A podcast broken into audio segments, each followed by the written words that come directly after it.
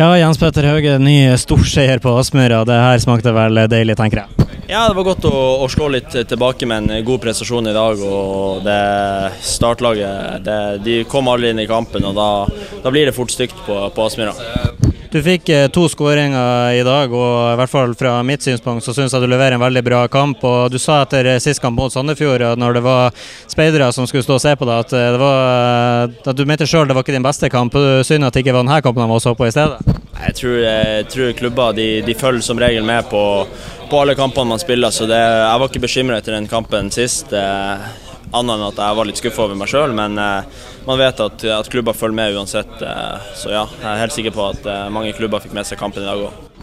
Du, du setter jo førsteskåringa di på straffesparket i kontant straffe, utakbart for keeper. Men før den så, så, er det en liten diskusjon, kunne det se ut som. Hva som ble, ble sagt mellom hvem som skulle ta straffa mellom deg og Filip?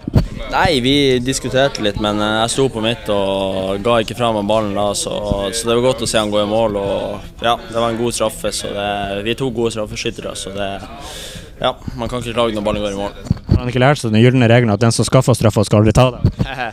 Nei, det, det, det er vel mest i håndball. Jeg vet ikke helt. Jeg har nå tatt straffe sjøl når jeg har blitt felt og skåret, så det Nei, jeg vet ikke om, om vi følger den, nei.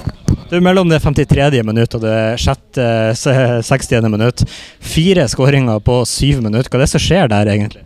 Nei, er, Vi er brutalt effektive og vi, vi stopper ikke. og vi, vi, går rett i nytt press og, og tar de høyt. og da, ja, da kan det skje. Vi har visst det tidligere òg at vi kan skåre mange mål kjapt. så det, ja, det var godt å få en prestasjon som stemmer i dag. Og så er det Europa på torsdag. Nå jeg regner med hele spillergruppa ser frem til første europakamp på Aspmyra på 16 år. og Det blir vel stas å representere Bodø-Glimt når det skal skje?